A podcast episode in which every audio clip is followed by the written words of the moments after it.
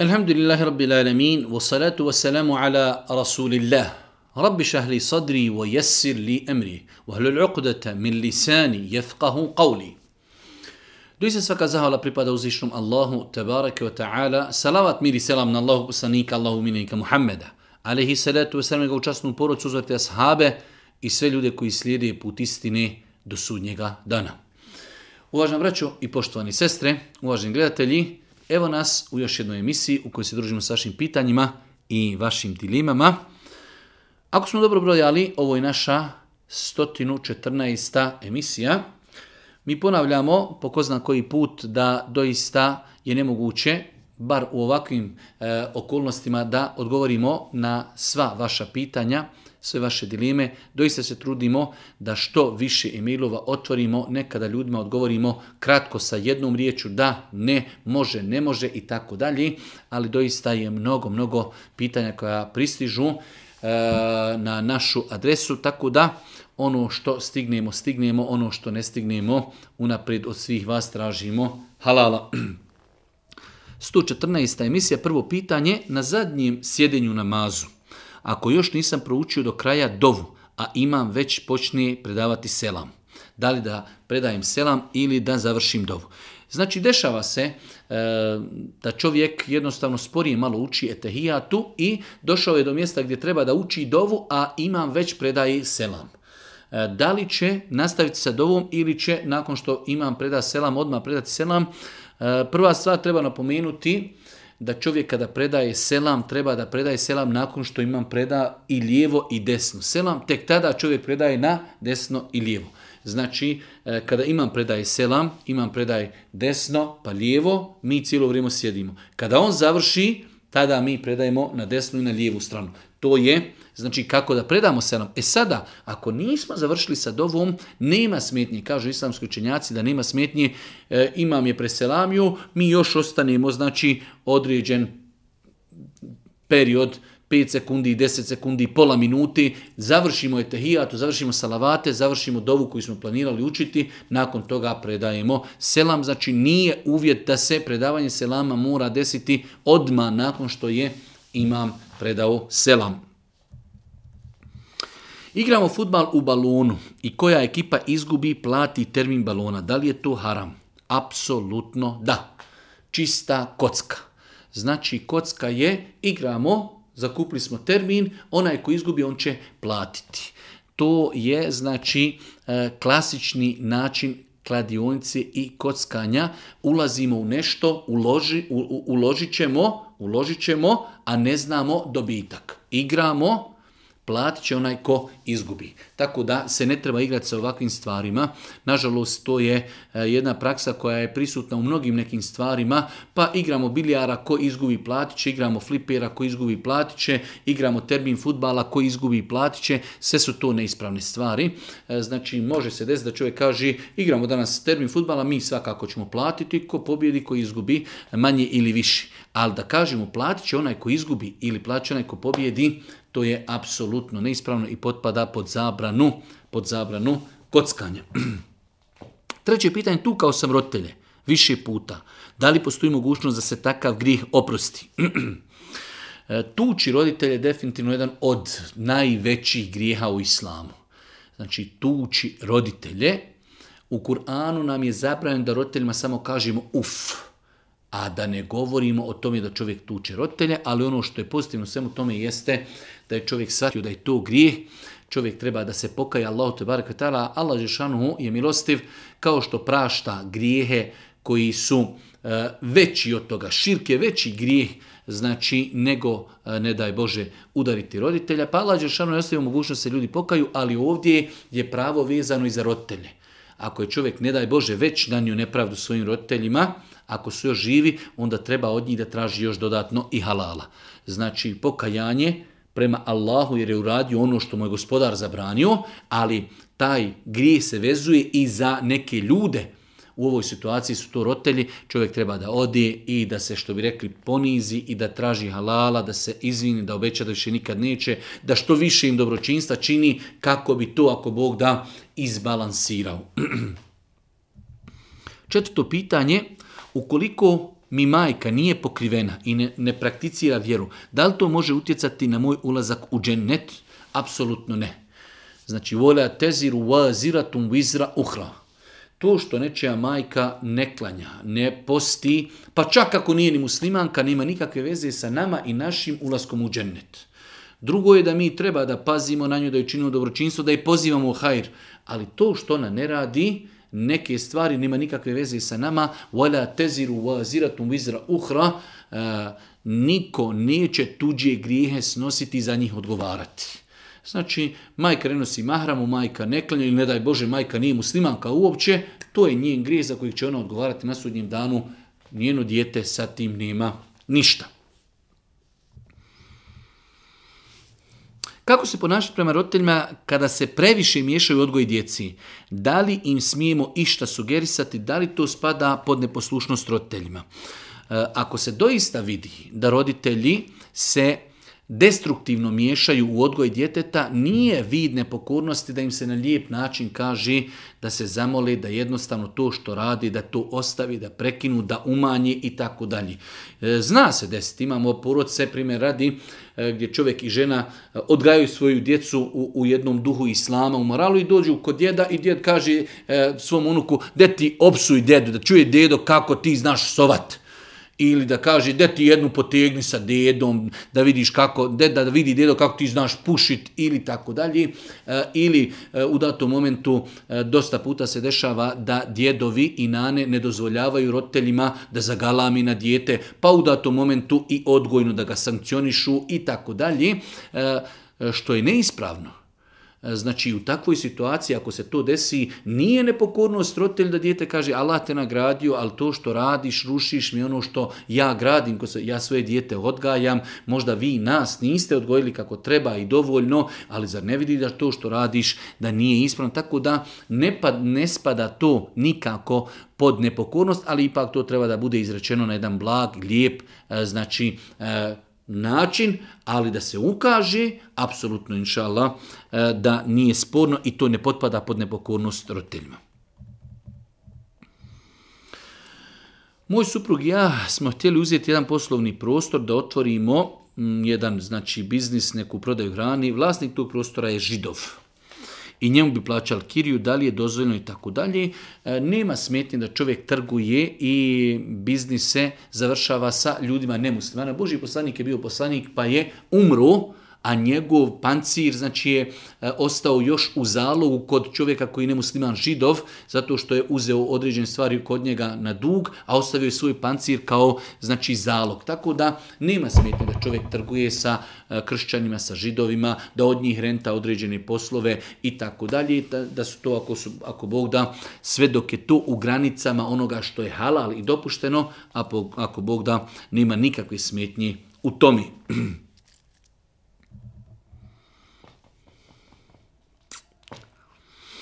Duže pitanje, imam jedno pitanje, upoznao sam jednu djevojku koju sam se mnogo zaljubio i tako dalje, ali je problem, kaže, roditelji nisu saglasni sa e, ženbom tije djevojke i na kraju, e, ali se uistinu bojim zbog roditelja, ako ih u ovom slučaju ne poslušam, pa nju oženim, da ne daj Bože padnem u Allahovim očima i tako dalje, zbog neposlušnosti roditelja. Pitanje je, da li je čovjek obaveza da posluša roditelje ako mu sugerišu da ne oženi određenu osobu?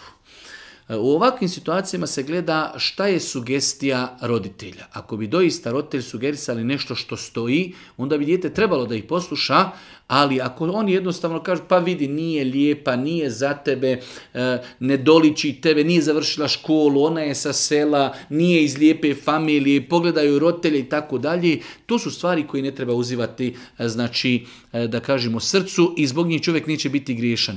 Ali ako bi doista roditelji rekli, ali ta djevojka je poznata da je nemoralna, ta djevojka takva, takva, nešto što doista stoji, onda čovjek treba da posluša svoje roditelje. Ali ako se ne radi o takvim stvarima, a u većini slučajeva se ne radi, u većini slučajeva jednostavno roditelj eto nešto njima ne odgovara kod mladi, u takvim slučajevima čovjek neće biti griješan ako ženi tu djevojku. Neće biti griješan ako ženi tu djevojku.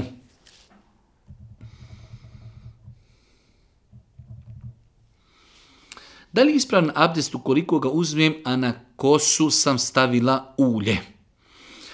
U svakom slučaju, više puta smo spominjali da potiranje e, glavi prilikom abdesta je e, u islamu olakšica. U smislu svi se dijelovi tijela peru u abdestu osim glava. Jer kada bi čovjek svaki dan morao prati glavu pet puta, to bi bila velika poteškoća. Pa je Allah Đeršanu olakšao umetu da potaru mokrim rukama samo glavu. Boži poslanik je znao kada kreni nahađ, e, znači znao bi e, oni su to radili nekada medom, a nekada uljem, znali su e, bukvalno zalijepiti svoju kosu. I tako su išli kako bi na, na, se čuvali od prašini iz određenih drugih razloga. Kako je Boži poslanik u takvim momentima potirao po glavi, tako da znači žena ili muškaraca koji imaju ulje na kosi, oni će znači koliko mogu potrati po svojoj glavi, iako Bog da njihovo potiranje je ispravno, zato što rekli smo da je to potiranje generalno znači u procesu abdesta jedan vid olakšici. Zasnovana je na olakšici.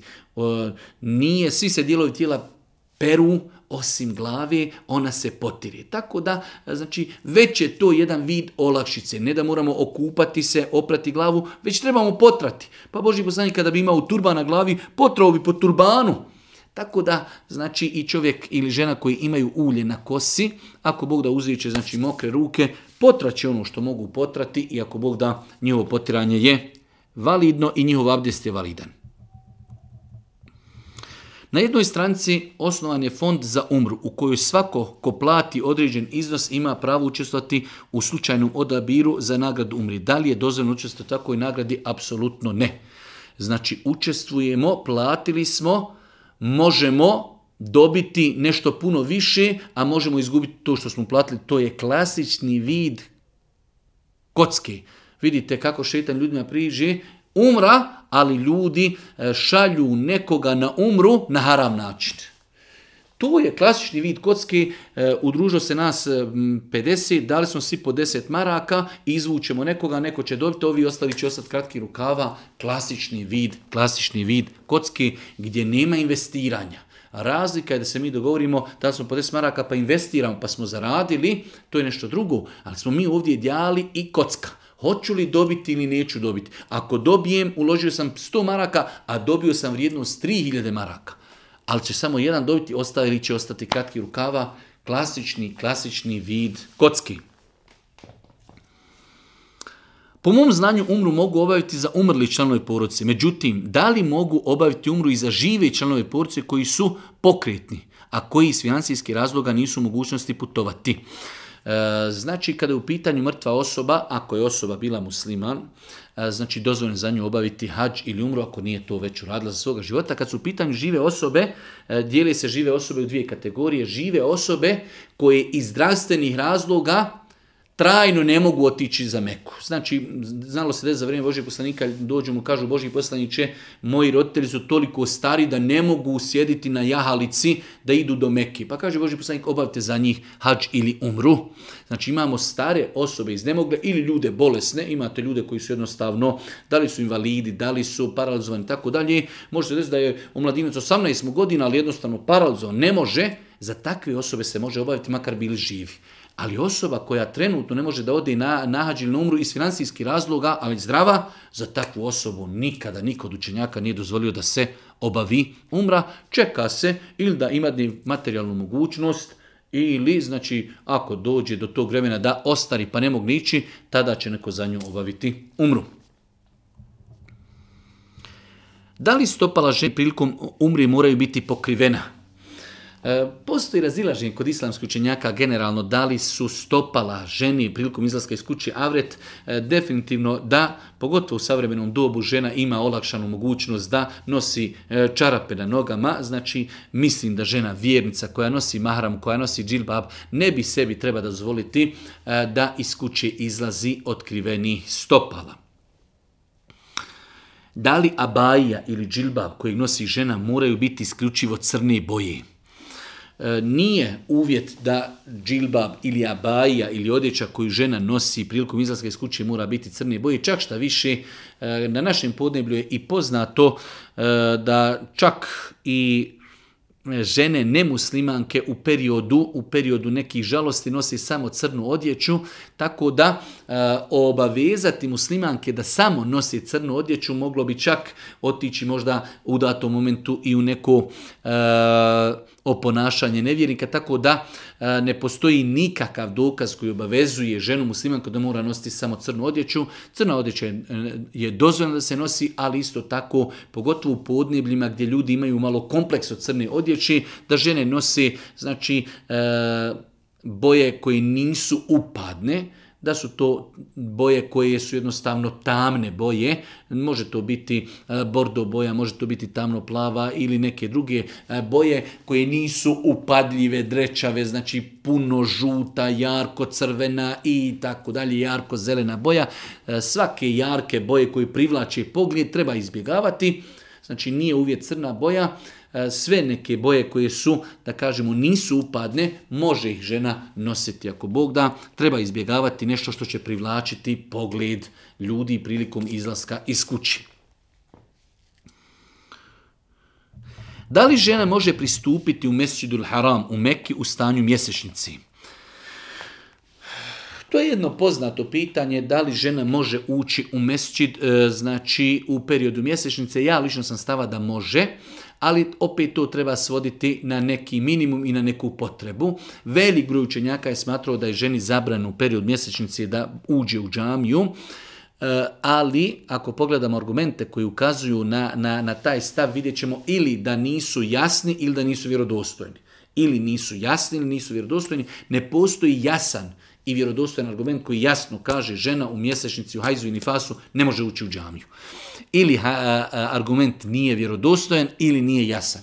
Tako da, pogotovo žene koje odu, da kažemo jednom u životu su ošle na umru, dobile su mjesečnicu, da periodično u toku dana jednom, dva put u džamiju, da, da provedu desetak, 15 minuta u haremu, da gledaju u kjabu, da dove, da, da zikre, ako Bog da, nadamo se duboko da nisu napravile nikakav šerijatski prekršaj.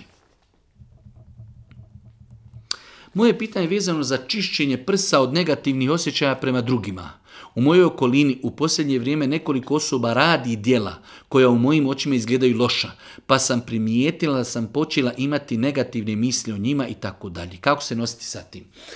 Pa ovo je jedna normalna refleksija grijeha kada čovjek vidi određene osobe da radi grijehe u njegovom srcu se stvara automatski. To je čak došlo u hadisma Božih poslanika da kada vidite dvojicu ljudi da su bili prijatelji pa su se razišli, kaže Boži poslanik, zbog grijeha koji jedan od njih dvojice počinio. Jednostavno, grijesi imaju različite eh, refleksije na društvo i na narod. Jedna od, od tih refleksija jeste da se eh, ljudska srca međusobno udaljavaju. I tako da čovjek eh, teško tu da može nešto uraditi jer nije u osnovi do mene. Znači jednostavno čovjek voli iskrene osobe, pobožne osobe, moralne osobe i kada vidiš čovjeka koji je nemoralan u datom momentu, čini određeni grijehe, to tebe odaljava od njega. Znači tvoj iman, tvoj stid, e, jednostavno to je taj senzor koji se pali, tako da čovjek ne treba nešto sebe mnogo tu preispitivati, osim što ostaje da, da znači, pokuša tog insana posavjetovati, kritikovati, na lijep način ukazati, ne bi li ostavio te grijehe, ne bi li se te njihove, ako Bog da veze, vratile onake kakve su bile, ali je to jedna normalna refleksija eh, koju ostavljaju grijesi kako na pojedince, tako i na društvo u kojima ljudi čine grijehe. Da li se može umra obaviti za umrlu osobu? Imaju različita mišljenja, ja sam dobila i da može i da ne može, šta je tačno? Tačno je mišljenje da nema smetnje da je dozvoljeno obaviti umru za umrlu osobu samo pod uvjetom da je ta osoba bila muslimana. Znači ako osoba je bila musliman i nije obavila za svoga života hađ ili umru, za takvu osobu imamo jasne, vjerodostojne hadise Božih poslanika, ali se ratu sam kada su ga pitali e, da li se može obaviti hađ ili umra, znači za e, roditelja koji nije obavio da je to Boži poslanik, ali se ratu sam dozvolio, tako da nema smetnje obaviti hađ ili umru e, za umrlu osobu samo pod uvjetom da je bio musliman. Imam pitanje u vezi potiranja po čarapama, interesuje me koliko trebaju čarape da budu u visini članaka, u stvari dva, tri prsta preko članaka. Ili moraju biti i duži od toga. E, nije mi poznato da čarape ili mestve po kojima ćemo potirati moraju biti ekstremno iznad članaka. Znači ono što je bitno jeste da pokriju članke. Čak ima e, jako mišljenje da čak i ne moraju biti pokriveni članci. Znači, ja lično sam stava, ja lično sam stava da čarape čak ili mjeste koje bi dolazile do članaka i po takvim čarapama ili mjestama je dozvoljeno potirati, pošto ne postoji dokaz koji jasno naređuje da tako mjeste moraju biti iznad članaka, ali ima taj e, težinu dokaz analogno pranju nogu. Mi kada perimo noge u abdestu, perimo ih do iznad članaka, pa kažu islamski učenjaci, analogno mi kao što moramo oprati E, noge do iza članaka, e, kada potirimo po mjestama moramo imati mjeste koji su do iznad članaka, ali taj e, taj kijas i ta analogija znači e, nije potpuno odgovarajuća ovom pitanju o kojim se dokazuje ovo pitanje, tako da u svakom slučaju ako čovjek ima mestve ili čarape koji su pokrili članke, ako Bog da to je i tekako više nego dovoljno, ne mora to biti iznad članaka. Samo ostaje momena da li se može potirati po čarapima koji su došle do članaka. Ja lično sam stava da može. 17. pitanje, e, malo duže pitanje, ali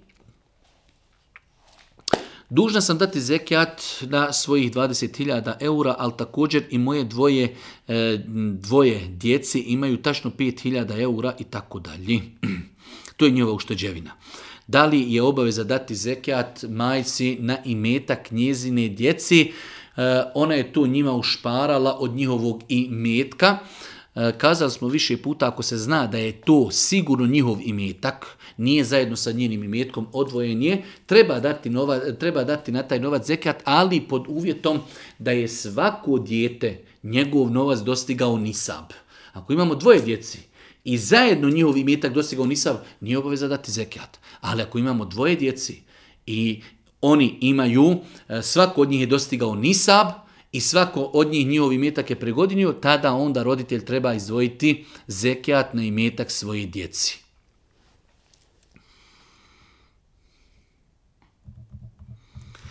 Ovim, mm, pročitala sam negdje da osoba koja ne klanja namaz, zapravo to ne izostavlja zbog svoje, svog nemara, već joj je Allah oduzeo tu privilegiju da mu se obraća na takav način. Ovo je prava filozofija šeitanova. Pogledajte pitanja. Kaži, pročitala sam negdje da osoba koja ne klanja namaz, zapravo tu ne izostavlja zbog svog nemara, već joj je Allah oduzeo tu privilegiju da mu se obraća na takav način. Apsolutno netačno. Allah nas stvorio i naredio nama namaz. Mi koji ostavljamo namaz, ljudi koji ostavljaju, ne daj Bože, namaz, ostavljaju ga, imaju slobodu volji. Onaj ko klanja, klanja jer mu je tako naređeno, onaj ko ostavlja zato što je lin. Pa onda ljudi iz filozofira i kaže ne, ne, to je njemu Allah uskratio obraćanje prema... Ma nije mu uskratio, Allah mu naredio da klanja. To je njegova ljenost, to je njegova slabost imana. I ne treba se time igrati. Na ovakav način otvaramo jedna velika vrata da kažem uvjeri šta god da čovjek kaže, to njemu Allah nije propisao da tako radi. To je apsolutno netačno. Allah je stvorio čovjeka i naredio mu obavljanje namaza i dao čovjeku slobodnu volju. Onaj ko ide redovno na namaz ide zato što želi, onaj ko ne ide, ne ide iz ljenosti a nikako filozofija kaže zato što kaže Allah mu je oduzeo tu privilegiju. To je netačan pristup ovakvim pitanjima. Jedno malo duže pitanje, nako imam osjećaj da je to malo, ajde da kažemo, neispravan pristup i kompleks, ali evo, Allah je, kaže, ne voli nasilje, Allahu je razvod najmrži, ali dozvoljeno dijelo što nije tačno. Nije tačno da je Allahu razvod braka najmrži dozvoljeno djelo. Hadis o tome nije vjerodostan. Razvod braka, ako postoji za njim potreba, je dozvoljeno djelo, a ako je dozvoljeno, ne može biti Allahu dozvoljeno mrsko djelo.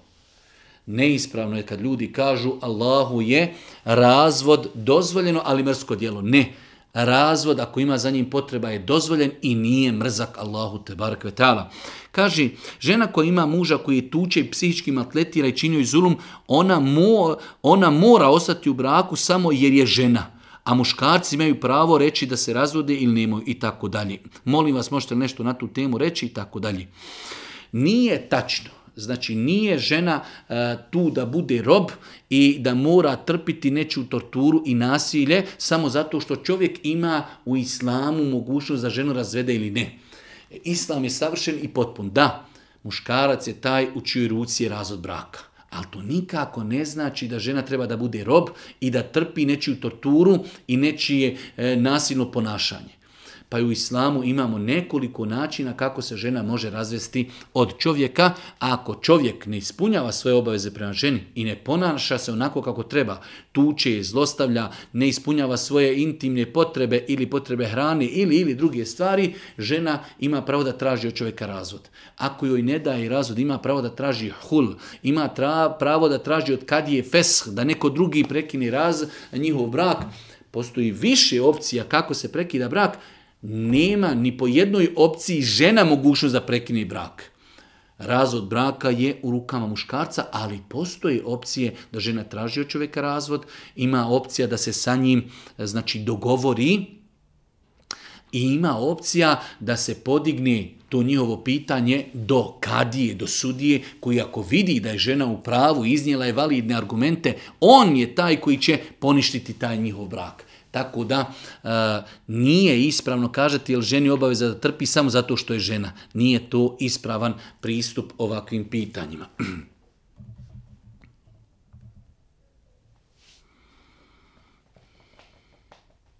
Jedno malo duže pitanje, e, radi se o tome da kaže e, u jednoj porodici čirka od čovjeka i, i žene je zatrudnila uh, u vanbračnoj vezi. I ta čerka ne želi da abortira to dijete.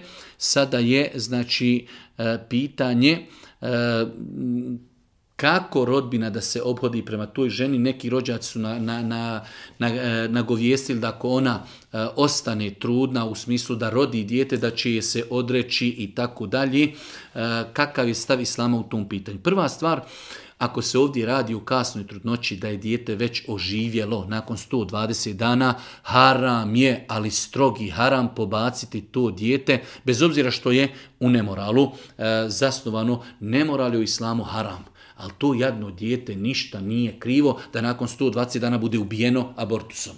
Znači mi osuđujemo nemoral, osuđujemo taj postupak, ali to dijete jadno ima svetost u islamu, nakon 120 dana ono je oživjelo, ne smije se znači abortirati.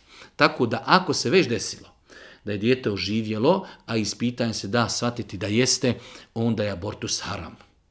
E sada ostaje moment kako da se rodbina obhodi prema toj djevojci, E, mi smo više puta govorili da se stvar vraća na procjenu e, da li je neko nekom je autoritet. Jednostavno imate neko i nekom je autoritet i kaže e, ja s tom više neću pričati zato što si to uradio i tako dalje i onda osobu to toliko pogodi da kaže u redu ostavit ću taj grijeh zbog tebe zato što me ti bojkotuješ. Ali znači u većini slučajeva u današnje vrijeme ta metoda ne prolazi. Ovo je danas vrijeme kada ljudi jedva čekaju da ga ti ostaviš da ga bojkotuješ, šetan ga jedva čeka, čeka ga ulica, čeka ga druga, čeka ga film, čeka ga serija e, i ja sam uvijek e, e, na strani da treba, bez obzira što čovjek je uradio grije, nemoral, blud, trudnoća, sve to grijeh, ali Hoće li se popraviti osim na način da ga savjetujemo, da, da, da budemo tu kod njega i da jednostavno koristimo prilike da mu ukažemo da to što je uradio je greška. Za vrijeme Božih poslanika, ali se letu selam, jedna žena je počinila nemoral i blud, pa je Božji poslanik kada su podigli njemu to pitanje, on je kazao idite u ahsinu iliha, budite prema njoj budite pažljivi dok ne rodi dijete, nakon toga će se nad njom izvrsti šerijatska kazna, ali kaži idite i budite prema njoj ahsinu i liha. Činite joj dobročinstvo. A počinila ashabika, počinila blud. Tako da e, ja sam od ljudi koji daje prednost e, da se prema takvim ljudima e, vodi sa njima dijalog, da se upozoravaju, da se savjetuju i tako dalje. Ali ako neko doista zna da neko za određenu osobu je autoritet, i ako joj kaže, vidi, ja više s tom ne pričam samo zato što radiš taj grije i tako dalje, ako će to ostaviti traga na takvu osobu, postoji u islamu poglavlje koji se zove hađr, bojkot griješnika, bojkot novotara, ako će taj bojkot polučiti rezultate, treba mu pribjeći. Ali ono što je poznato danas, da bojkot i kako znači nije plodonosno sredstvo u rješavanju takvih pitanja.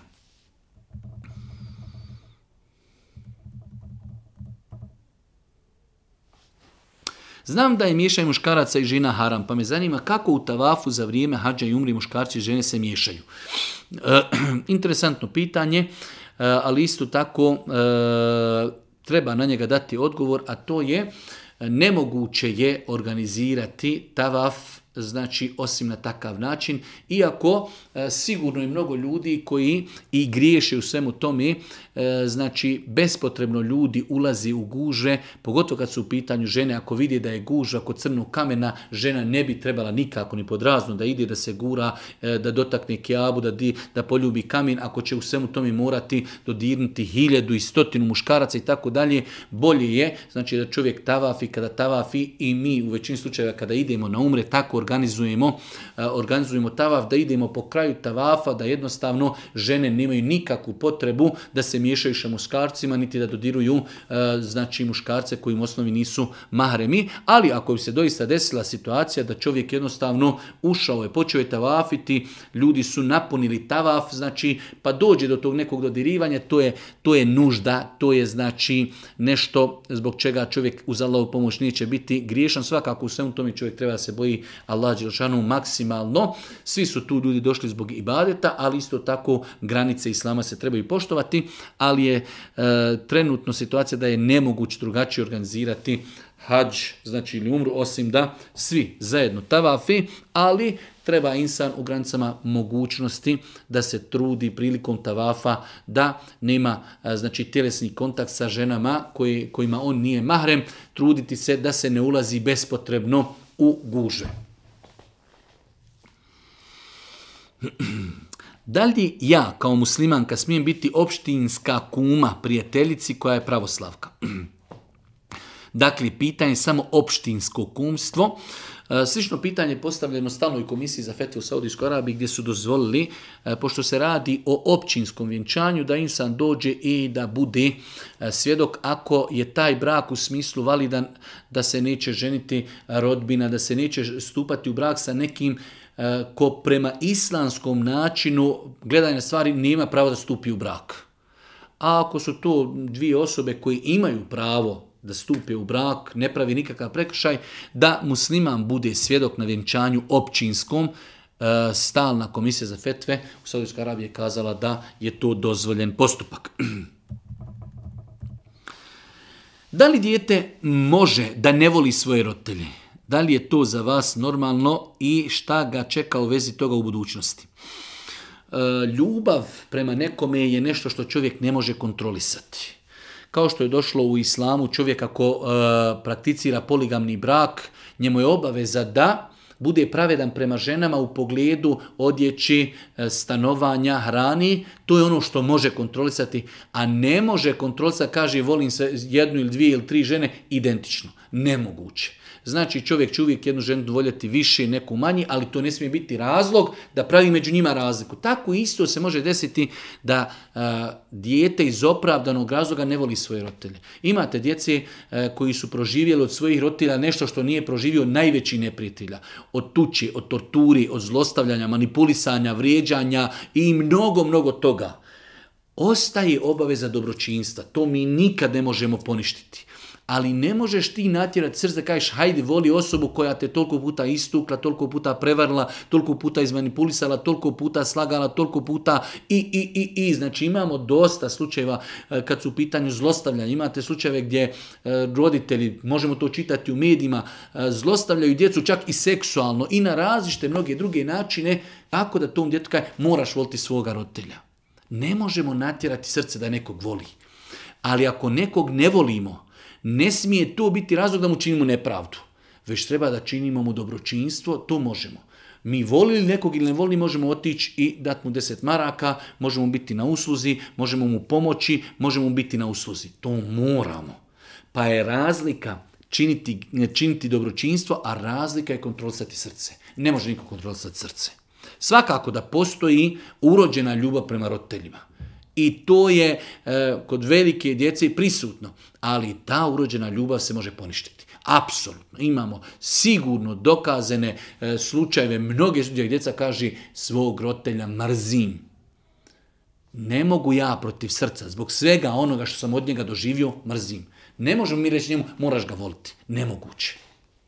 Ali možemo kazati, moraš mu činiti dobročinstvo. Moraš biti pravedan ali da ga voliš ne možeš nekoga natjerati da nekoga voli.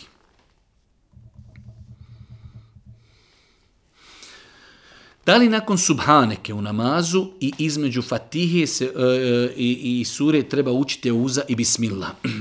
U svakom slučaju kada se klanja namaz, Nama se odpočinje e, znači dovom, takozvana početna dova u namazu. Većinu se kod nas uči a postoji i druge dove koje je zabilježen Božje poslanika, znači učimo početnu dovu. Nakon toga se uči euza, uči se bismila pa fatiha. Nakon toga, ako ćemo učiti e, suru neku iz početka, učimo opet bismilu. Znači, kada počnemo klanjati, učimo subhaneke, učimo euzu, učimo bismilu, učimo fatihu, nakon fatihe ako ćemo učiti neku suru iz početka, kul huvalla, učimo bismilu. Ako ćemo učiti samo ašare, koji ni od početka sure učimo, znači odmah bez ičega. To je na prvom rekiatu. Na drugom rekiatu, znači e, učimo samo odma od bismili. Učimo bismilu, Fatihu, nakon Fatihe opet gledamo. Ako od početka suri učimo bismilu, a ako nije od početka suri učimo direktno. Znači dovoljna je jedna euza na početku namaza za cijeli namaz, za cijeli namaz, za sve rekiate, a bismilu ćemo učiti svaki put kada počinjemo učiti neku novu suru. To je generalno pravilo koje je najlakše zapamtiti E, na početku namaza je dovoljna jedna euza. Pročili smo subhaneke, euz bila im šetan rađim i ta ako Bog da euza nam je dovoljna za cijeli namaz, a kada god hoćemo učiti novu suru, učimo bismilu. Ako učimo samo dio Kur'ana, poznato kao ašare, onda znači učimo direktno bez da učimo euzu i bismilu. Koji prijevod Kur'ana na bosanski jezik preporučujete? Eh, Allah najbolje zna s aspekta, znači postoji različiti pogledi na prijevode Kur'ana, znači s aspekta jezičkog definitivno eh, prijevod od eh, Besima Korkuta je dobar i kvaliten s aspekta jezičkog, ali s aspekta poznato je da u prijevodu Besima, Korkuta, Rahmetullahi Alihi imaju određene greške s aspekta akajskog E, gdje se arš prevodi kao svemir e, i e, tako dalje. Imamo znači određene greške u prijevodu Kur'ana, tako da definitivno u tom kontekstu akajskom prijevod, dorađeni prijevod, znači Mehanovića, Mohamed Mehanović, da je taj prijevod definitivno najkvalitetniji, najbolji, odnosno to je u jednu ruku mislim i prijevod koji možemo naći u Tefsir ibn Kethiru. E, znači određene korekcije na prijevod ibnu na prijevod e, Besima Korkuta. Besim Korkut, njegov prijevod je doista lijep, jasan, s, aspekta jezičkog je više nego dobar, ali s aspekta akajskog ima sigurno grešaka koji se ponavljaju. Znači, ako jedan ajet na jednom mjestu pogrešno prevede, gdje god se taj ajet ponavlja u Kur'anu, on je pogrešno e, preveden, tako da imamo akajske greške u prijevodu Besima Korkuta. E, u tom kontekstu e, prijevod Mehanovića definitivno je sad za sad nešto najbolje što ima na bosanskom jeziku.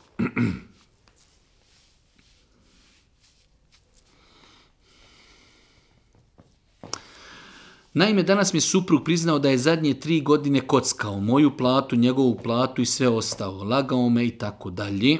Pitanje je da li je to dovoljan razlog da se žena razvede od čovjeka. Ako je čovjek priznao da je to radio i ako je vidno da se pokajao, mislim da je greška, već ako živimo dugo godina, e, mislim da je greška e, razvesti se u situaciji da čovjek kaže pokajao sam se i neću to više raditi. Za razliku ako čovjek nastavi i dalje da se kocka, jednostavno e, sa kockarom čovjek u životu ne zna na čemu je i smatram da je to e, validan razlog da žena traži razlog braka zato što jednostavno e, čovjek koji ima problem sa kladioncama, sa kockom, prodaće sutra kuću, prodaće auto, prodaće će, uvaliće cijelu porodcu dugove jer je to bolest. Znači, to je hronična bolest, tako da ako je se insan uspio izvući iz toga, mislim da je pametno i dobro ostati u braku, ali ako je to osoba koja jednostavno ne želi da se bori, prepustila se, s takvom osobom je teško nešto postići u životu. On će prodati auto, on će prodati kuću, on će znači sve živo prokockati. ali najbolje zna da je to dovoljno razlog da žena od takve osobe traži razvod braka.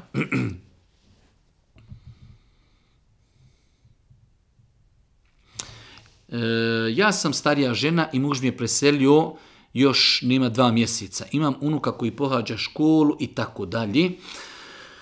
E, pitanje je da li je ma ovoj nani dozvoljeno, kaže, neki su i rekli da u toku četresnice ne smije izaći iz kuće, a neki su rekli i dok prođe godina dana. Šta je u svemu tome ja, tačno? E, idet žene ili idad, priče ženi nakon smrti muža traje 4 mjeseca i 10 dana u kojem žena treba da maksimalno izbjegava ukrase i da boravi u kući u kojem je živjela sa svojim čovjekom, da se ne šminka, da se ne miriši, svakako e, tjelesna higijena je nešto drugo, ali uljepšavanje, šminka, karmin, dezodoransi, to žena treba u periodu hidada. 4, 4 mjeseca i 10 dana treba maksimalno da izbjegava nakon smrti svoga muža. E, ako nima potrebu, ne treba izlaziti ni iz kuće, 4 mjeseca i deset dana. Nije 40 dana, niti godina dana, četiri mjeseca i deset dana, ali ako ima potrebu u toku dana da izađe, da ode do prodavci, da ode po dijete u školu, da dovuče dijete iz škole, e, znači sve su tu ako Bog da dozvoljene stvari kako se radi o potrebi u toku dana da se vrati u tu kuću gdje će noćiti. Bitno je da se znači vrati kući, e, da tu noći i da ima potrebu za izlaskom.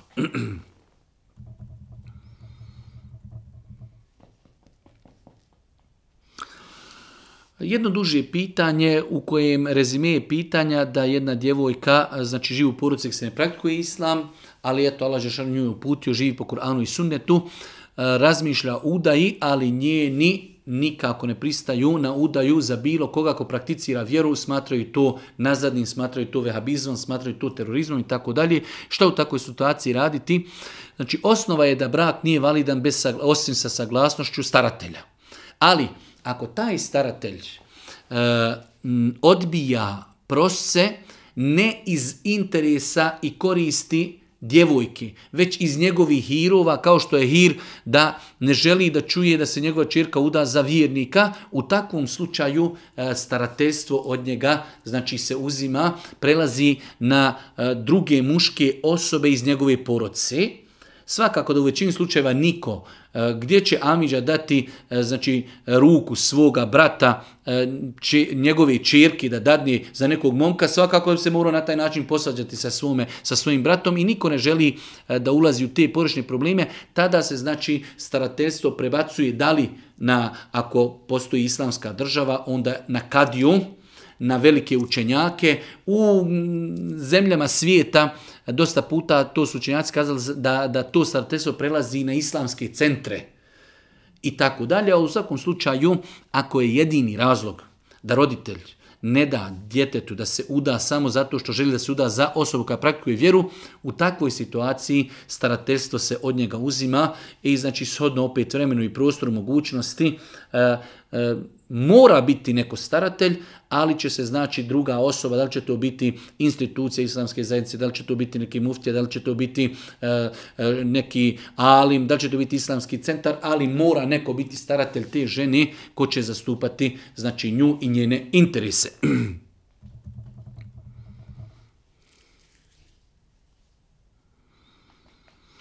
E, pitanje da li je grijeh da čovjek ostavi u vasijet da mu određene osobe ne dođu na dženazu.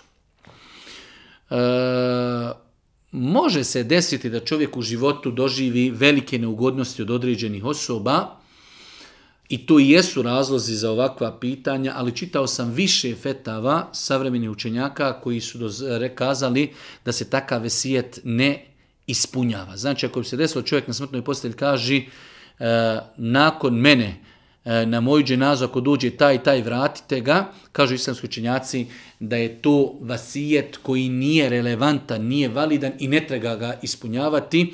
Svako ima pravo da dođe na dženazu. E, to što je neko nekom je nanio zulum i nepravdu, on će zato odgovarati na sudnjem danu, ali njegovo je pravo da dođe da nekom je klanja dženazu. Tako da e, u više fetava sam našao odgovore gdje islamski učenjaci, institucije E, pravne institucije kažu da se takav vasijet ne ispunjava. Znači, takav vasijet, i ako dođe do takvog vasijeta, takav vasijet se ne ispunjava. Znači, ako dođe roditelj i kaže djetetu, vidi, obavezujem te, zaklinjem te, ako na dženazi vidiš tog i tog, vrati ga, nije mu obaveza da ispuni taj vasijet. Taj vasijet je u kontradiktornosti sa načelima i propisima Islama. Da li ima išta sporno u knjigama Eh, Alija Sallabija u njegovim knjigama o šest ruknova imana. Nije mi poznato da u knjigama eh, doktora Alija Sallabija eh, u kojima ima komplet knjiga šest temelja imana. Nije mi poznato da u takvim knjigama ima nešto neispravno, čak šta više smatram da su to izuzetno lijepe i korisne knjige, tako da ljudi koji mogu u sebi nabaviti takve knjige smatram da će nabaviti izuzetno lijepe i korisne knjige.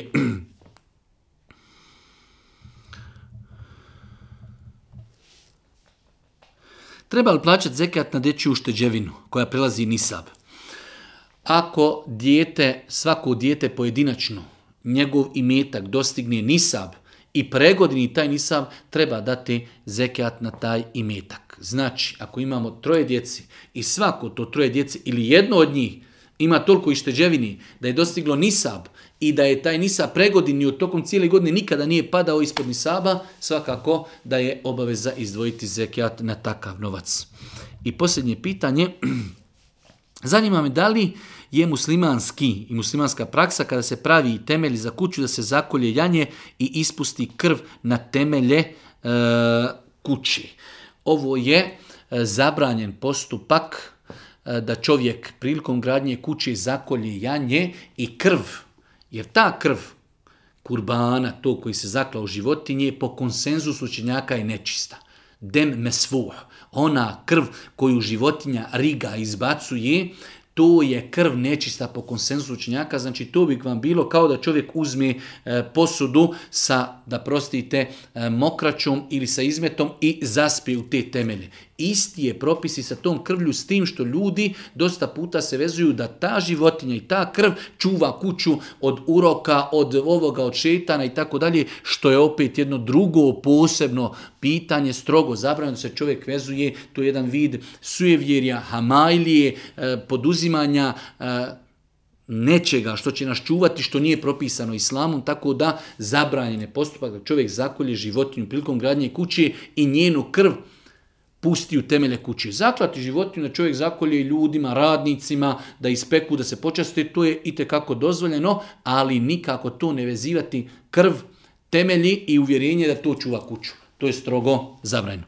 Allah subhanahu wa ta'ala molimo da nas učite na putu istine, da nam podari korisno znanje i na kraju subhanaka Allahumma wa bihamdike, ešhedu in la ilaha illa wa etubu